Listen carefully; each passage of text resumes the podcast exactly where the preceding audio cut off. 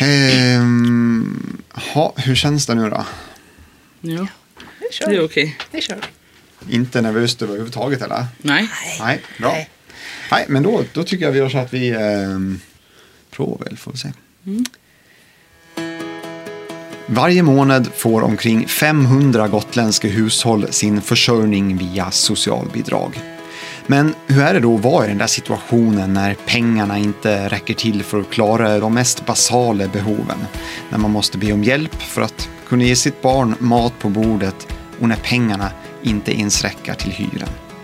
Välkomna hit säger jag till eh, Louise Glad Jarl. Du är precis just i den här situationen som jag beskrev. Välkommen också Marie Bergström som jobbar med försörjningsstöd vid socialförvaltningen. Jag tänkte vi skulle börja med dig Louise. Eh, och bara be, kan du beskriva din situation lite grann som, som du befinner dig i? Ja, jag bor och jag är ensamstående med min son Vincent. Och jag har då föräldrapenning och även hjälp från socialen med hyra. Du är, Eh. du är i den situationen, alltså du får, du får det som kallas för försörjningsstöd eller socialbidrag helt enkelt. Ja, precis. Jag får ju först och främst från Försäkringskassan underhåll och sånt där. Men det räcker ju inte till normen då jag har väldigt hög hyra och så. Så då kompletterar socialen med resterande pengarna varje månad. Vad, vad, vad innebär det här? Hur, mycket pengar har du kvar själv liksom när, när eh, allting är betalt och klart? Det är inte mycket pengar. Det går ju exakt varje månad. Ofta så får jag ju låna pengar från vänner eller familjen. Eh, Så det inte så mycket man har att leva på. Nej. Eh, Marie, du jobbar ju med de här frågorna professionellt eh, och möter dagligen människor som, som är i, i just den här eh, situationen. Hur, hur, ser, hur ser de som kommer, deras livssituation för de som kommer till, till er och, och begär hjälp med försörjningsstöd, hur, hur är den? Kan du beskriva den lite grann? Ja, grunden är ju att de inte har tillräckligt med pengar.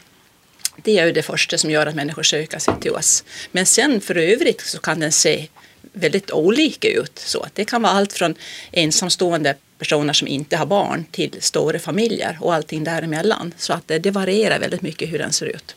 Men grunden är att man inte har tillräckligt med pengar för att få det att gå ihop helt enkelt. Kan du beskriva de, nå- några, så här, de frågor som ni brukar få precis i början på ett, eh, en sån kontakt om man säger så? Vad är det, vad är det folk behöver när de kommer till er? Ganska ofta så är det just det att eh, man är orolig för att man inte ska få in hyran i första hand och i andra hand elen. Så. Och, eh, så det är de st- stora och viktiga utgifterna för det är det man behöver för att, för att livet ska fungera. Sen är det naturligtvis det här med mat och kläder och sånt också. Eh, Louise, om vi, om vi går tillbaka lite grann till din historia, för, för du är 24 år, eller hur? Eh, och precis som du sa så du har en ettårig son, du lever eh, som ensamstående eh, här i Visby. Eh, men, men om du skulle kunna ge en liten kort beskrivning, bakgrund, så här, vad var det som gjorde att, att du behövde gå till socialen för att, att eh, få hjälp med att klara ekonomin? Ja, alltså jag bodde ju innan i Stockholm. Jag är ju född här och uppvuxen på Gotland. Men jag har bott i Stockholm med väldigt, och jag levde väldigt trasigt liv, eller om man säger med mycket dåliga saker. och sen då när jag bestämde mig, eller fick reda på att jag var gravid och bestämde mig för att behålla honom, så eh, sa jag nej, jag kan inte bo här liksom. Så då bestämde jag mig att flytta tillbaka till Gotland så fort min skyddstillsyn var över. Så jag flyttade hit eftersom min familj och så bor här få stöd och sånt där. För jag visste ju att eh, ja, pappan till min son eh, lever ju ett helt annat liv. Så jag lämnade ju allt och honom och allting. För jag visste ju att jag skulle bli ensamstående. Så då kontaktade jag eh, min gamla, eller socialen Vanja då som jag har där. Och sen ja, berättade jag min situation och sådär. Först då var jag ju ensam och då klarade jag mig ganska bra på den. den. Men eh, och så hjälpte de mig betala hyra, jag fick fixa en andrahandslägenhet och så. Och så, ja. Sen har det bara rullat på liksom. Hur, hur var det att ta det där steget? Att kontakta dem och säga att hej hallå, här är jag, jag behöver hjälp. Först så ville jag ju inte alls ringa dit eftersom att jag har haft väldigt mycket med socialen innan min ungdom i mitt liv. Så jag var lite så här, jag har lite svårt att be om hjälp eller så. Så det var ju med min mormor som sa, nej men ring nu, de säger att du har förändrat dig liksom. Så då ringde jag och sen vågade jag inte först säga att jag var gravid liksom. Så jag bara, sen berättade jag det och nu har jag hur bra kontakt som helst med min socialsekreterare liksom. Så, ja. Vad betyder det att, att ha bra kontakt? Hur, hur, hur är bemötandet? Nej men alltså när jag var yngre och hade kontakt med henne och så då var jag ju väldigt utåtagerande och jag brydde mig inte om någon och du vet så här. Nu när jag blivit äldre och ja, ja lite mer mognare kanske. så um, det känns bra att gå till henne. Alltså det känns inte jobbigt att gå till henne för att vi har så pass bra relation. Jag har väldigt svårt att prata med folk liksom om livet som jag inte, om jag inte tycker om dem eller sådär. Men, eh, nej, men det är som att gå till typ vem som helst och prata. Vi pratar om allt mellan himmel och jord. Så det känns ändå bra att gå till henne. Vad, eh, själva socialbidraget då, vad, vad innebär det? Vad, vad, är det du får liksom? Hur mycket pengar får du och för vad? Ja, alltså nu får jag inte så mycket eftersom att jag har så pass mycket från Försäkringskassan. Men det går ju ut nu. Min föräldrapenning går ju ut nu i årsskiftet. Så då kommer jag ju få mer ifrån socialen. Men ehm, eh de hjälper mig att betala min hyra. Eh, ja, det är väl mest det jag får, att de tillägger till hyran. De betalar min medicin också som jag behöver. Om du inte hade fått socialbidrag, hur hade det gått då? Eh, då hade jag bara haft råd med att betala hyra och mobil. För jag har en ganska hög hyra. Mm. Hur, hur, gör du då? För, för, för jag tänker så här, att det, om, om, man tänker, det, det, finns säkert de som tänker här, ja men det går på SUS, liksom. Det, mm. det, kan man leva ganska gott på. Gör man det? Nej, det tycker jag inte. Speciellt inte nu när jag har barn. Eh, jag anser kanske att när jag var yngre så anser jag väl att jag fick mer hjälp av socialen eh, ekonomiskt än jag får nu när jag är nykter och drogfri och sköter mig, tycker jag. Hur, hur gör du för att få ekonomin att gå ihop? Först betalar jag ju som sagt alla räkningar och sådär. Sen blir det ju storhandling och sen, ja. Sen ofta så räcker ju inte pengarna hela månaden liksom. Då får man ju be om hjälp från andra. Så det är inte så roligt. Men eh, jag är glad i alla fall att jag får den hjälp jag får just nu. Och sen, jag börjar ju plugga nu och sådär också. Så det kommer nog ordna sig om ett tag. Mm. Marie, vad tänker du när du hör eh, Louise eh, berättelse? Jag tror att den är ganska typisk så. Att, eh, att det är naturligtvis nödvändigt att få lite hjälp från oss men att det, det är inte det, ja, man lever inte gott på det utan eh, man får vara om sig och kring sig och sen är det till stor hjälp ifall man har ett nätverk som sen kan putta till en lite extra när pengarna ifrån oss är slut. Att man får gå hem till någon mamma eller mormor och äta något mål mat och sådär och att man kanske får någon sedel i handen också. Så mm. tror jag att det är för ganska många av dem som går hos oss.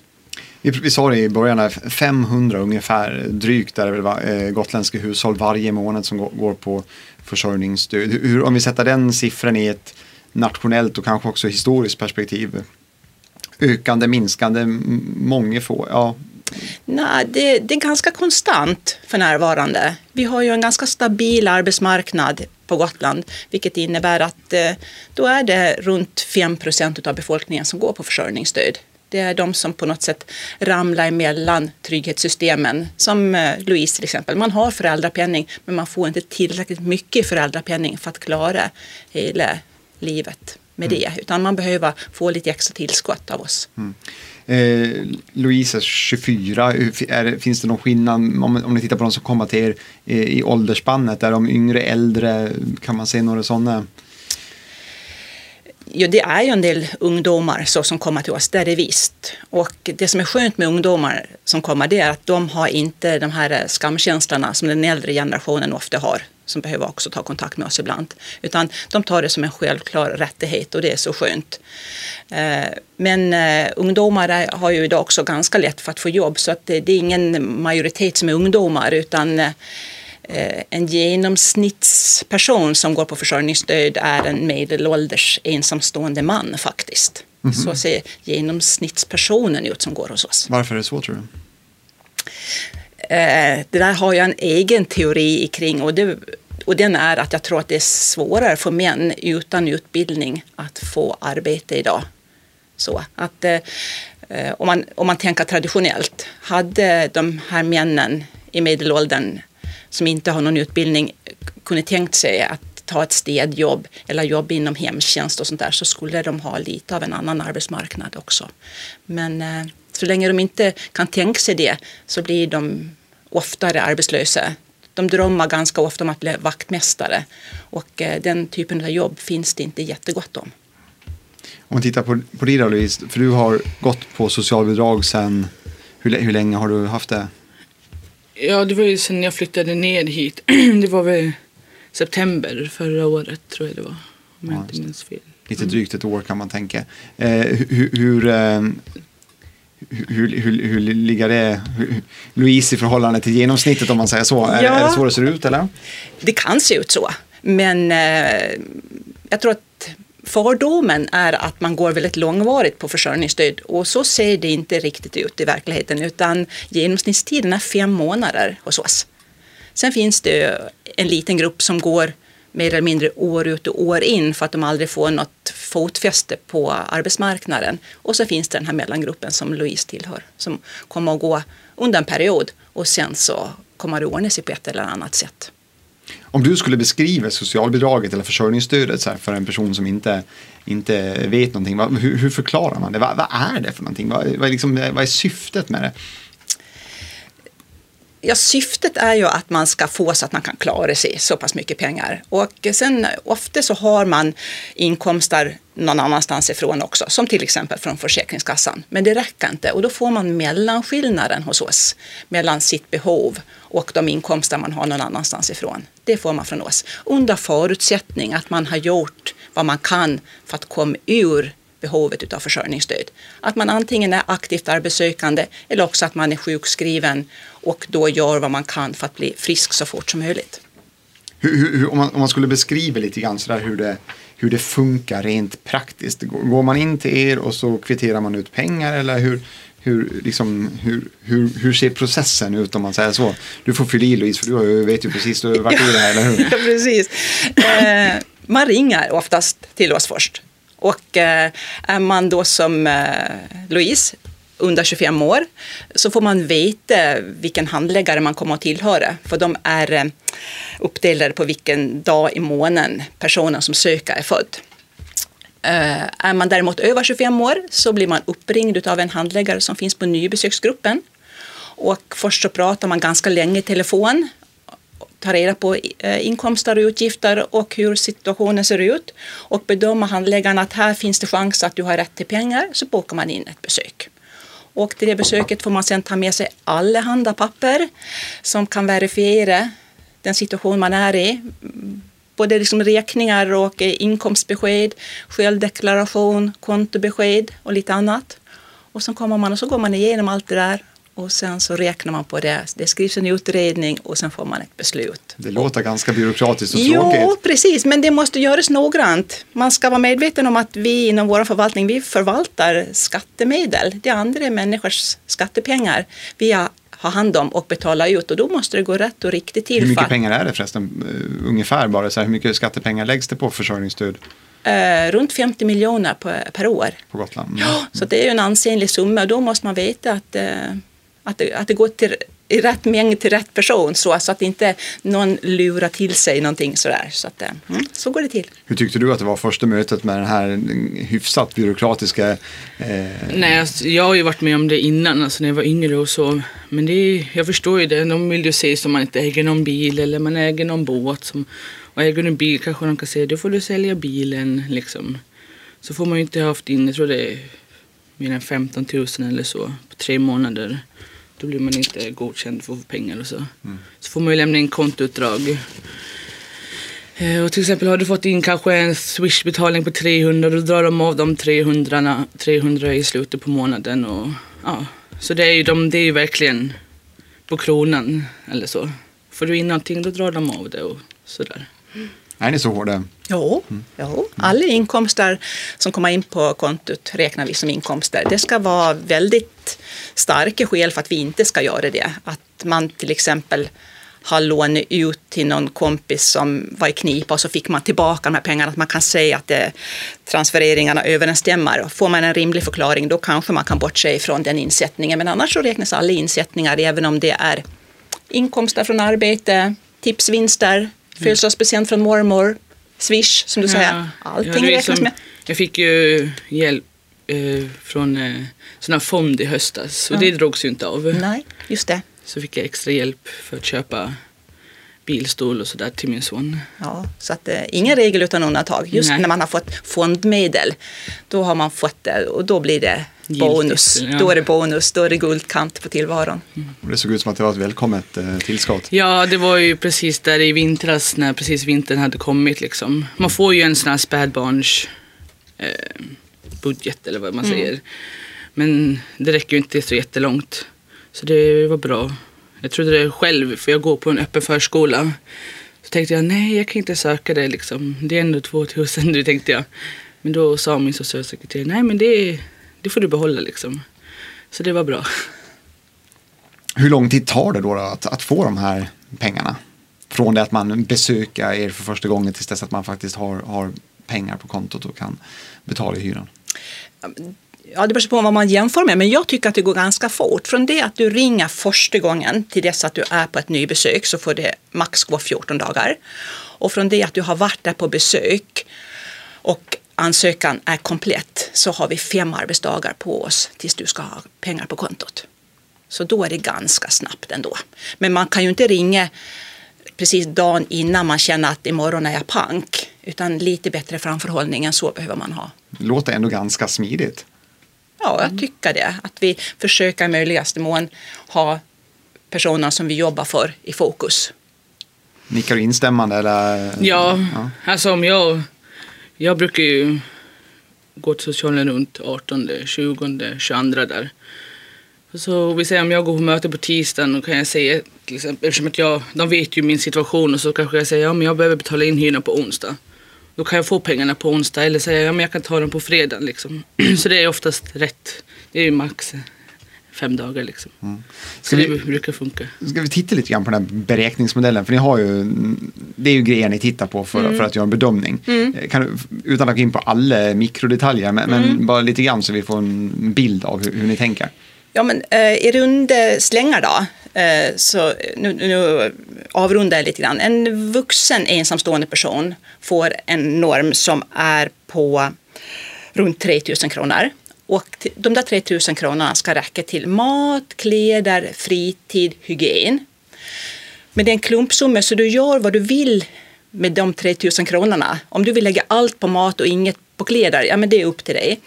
Eh, förutom de 3 000 kronorna så räknar vi med ungefär en tusenlapp i vad vi kallar för hushållskostnader. Det är till tidning, telefon och tv-licens. Sen har vi hyran på det och sen har vi el. Sen kan det tillkomma sjukvårdskostnader, medicin, hemförsäkring, busskort om man behöver det för att ta sig väldigt mycket runt stan kan man också räkna med. Då får man en summa som då är, utgör ens behov. Från den summan så drar vi alla dina inkomster som du har haft under månaden. Och sen får du mellanskillnaden i försörjningsstöd.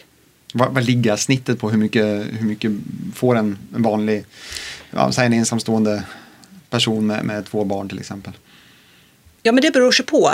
Helt och hållet eh, hur mycket som går ut från oss. Det beror sig på vad man har i hyra och också vad man har in i, i underhållsstöd och barnbidrag och kanske föräldrapenning. Eh, genomsnittsutbetalningen ligger på mellan 6 500 och 7 000 kronor. Så. Man har ju hört om det här med att man inte får lov att äga någonting. Stämmer det? Är det så?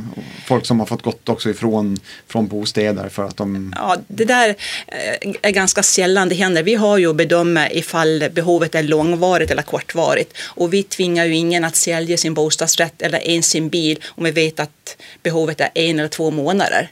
Men kan vi säga att det här kommer att vara långvarigt av någon anledning, då synar vi det i sommarna. Då måste man eh, se sig om ifall det finns någonting att avyttra. För försörjningsstödet ska ju bara komma in om det inte går att lösa på något annat sätt. Allting annat ska vara uttömt. Nu kan man ju tycka att jag sitter här och ställer massa dumma frågor, men, men jag tänker ändå så här att det, det kan nog vara så att det, att det är sådana frågor som folk funderar på. Vilken är den vanligaste frågan som ni, som ni får eh, i er yrkesutövning? Vad är det folk undrar mest över om man säger så? Eh, de som går hos oss menar du, eller vanliga människor? Du väljer själv. ja, men det är just det som Louise sa, alltså, vad får man eget? Det är en ganska vanlig fråga. Måste jag sälja bilen? Så. Eh, så det, det, är nog en ganska vanlig fråga. Plus att vanligt folk undrar ju om eh, väldigt många luras, fuskar. Så. Det är en ganska vanlig fråga från allmänheten. Och vad svarar du då? Det händer, säger jag. För att eh, som Louise också sa förut, liksom, det här är snålt. Alltså det är inga pengar som du blir rik på. Och då ligger det ju på något sätt i sakens natur att man ja, ser ifall det går att kom, komma runt systemet på något sätt. Så att det är klart att det finns de som fuskar på det sättet att man inte tar, man låter inte mormor sätta in presenten på kontot utan man vill ha det kontant i ett kuvert till exempel.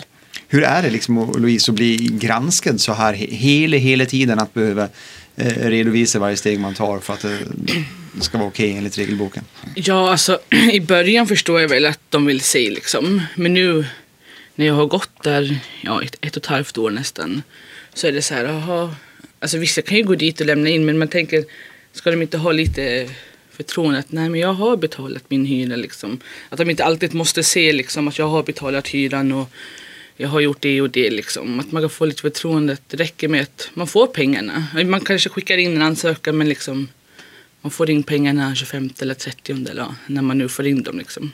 Mm. Marie, det är väl en bra idé. Lite större förtroende. Jag vet att ni är på, mm. ni är på gång nu med en, en förändrad uh, approach, ett litet annat förhållningssätt än vad ni har haft. Du får Precis. berätta.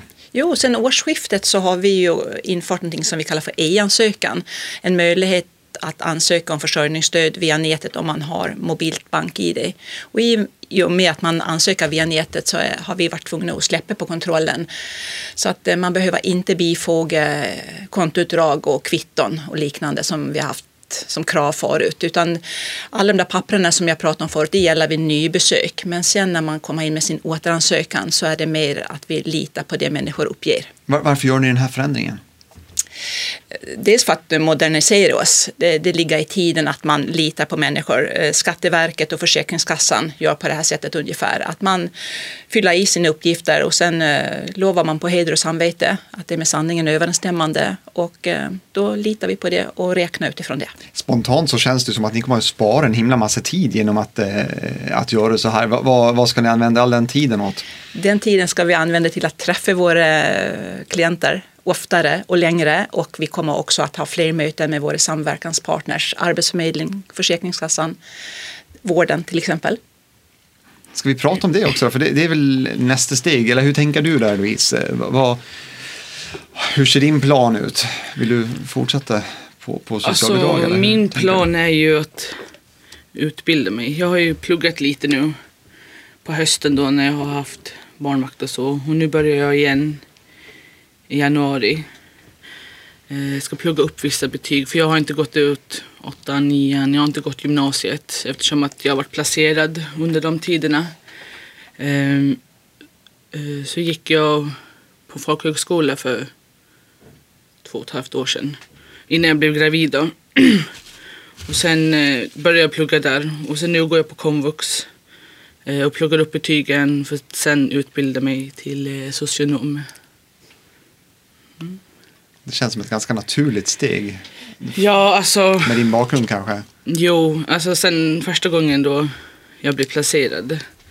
Visst, jag tyckte inte alls om socialen då. Då tyckte jag det, det var det värsta som fanns och jag ska inte ha något LVU och jag ska inte göra det liksom. Men sen har jag alltid velat att jag vill jobba med människor. Jag vill jobba med flyktingar, missbruk, problem. Så min dröm är ju att öppna ett eget behandlingshem. Eh, så det ju plugga först nu kanske tre år och sen utbildningen socionom. Kanske när jag är runt 30 är färdigutbildad. Hur, hur länge tror du att du kommer behöva ta hjälp av försörjningsstödet för att klara ditt uppehälle? Eh, jag vill ju inte vara där så länge. Jag har ju redan haft ett lån från CSN.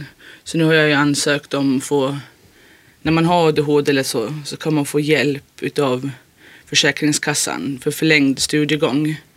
Så jag har ju ansökt där att få förlängd alltså aktivitetsstöd där så jag ska slippa att gå på socialen. Men det kommer ju ändå bli att någon, de tillägger någon. Men om jag flyttar till, flyttar till en billigare lägenhet så om jag räknar rätt så kommer jag nog inte behöva ha socialen.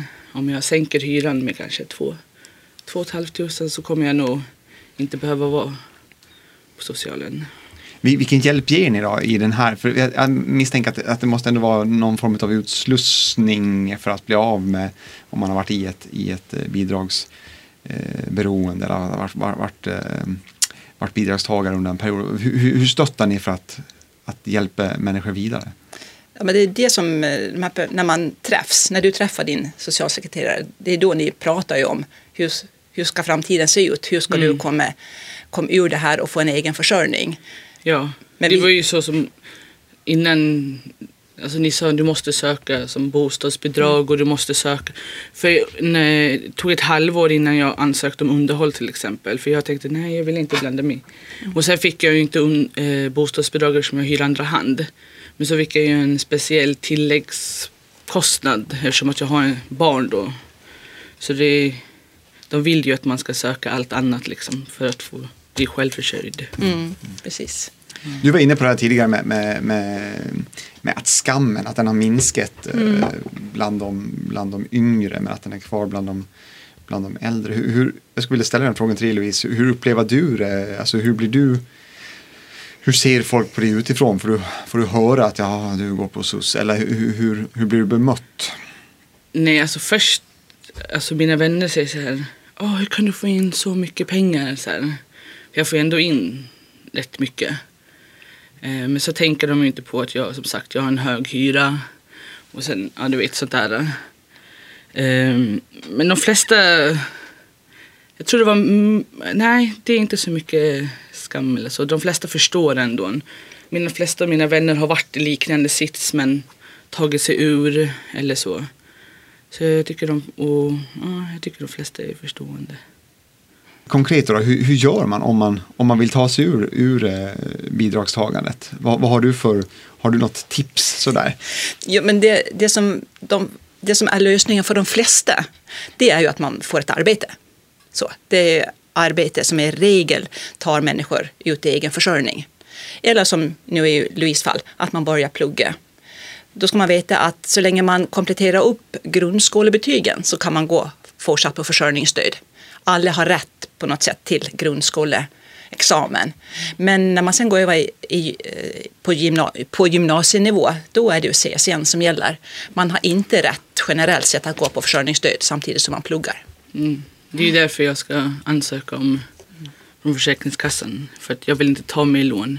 Eftersom jag redan har ett lån sen innan när jag gick på folkhögskola. Så sparar jag det där lånet tills eh, universitetet. Jag tycker det låter som en bra plan. För när, passa på när man är lite yngre kan man... Ja. När, när tänker du att du är, är eh, fri från socialbidrag? Eh, alltså jag vet inte. Alltså jag, alltså, jag vet inte. Alltså nu ska jag ju först och främst plugga upp.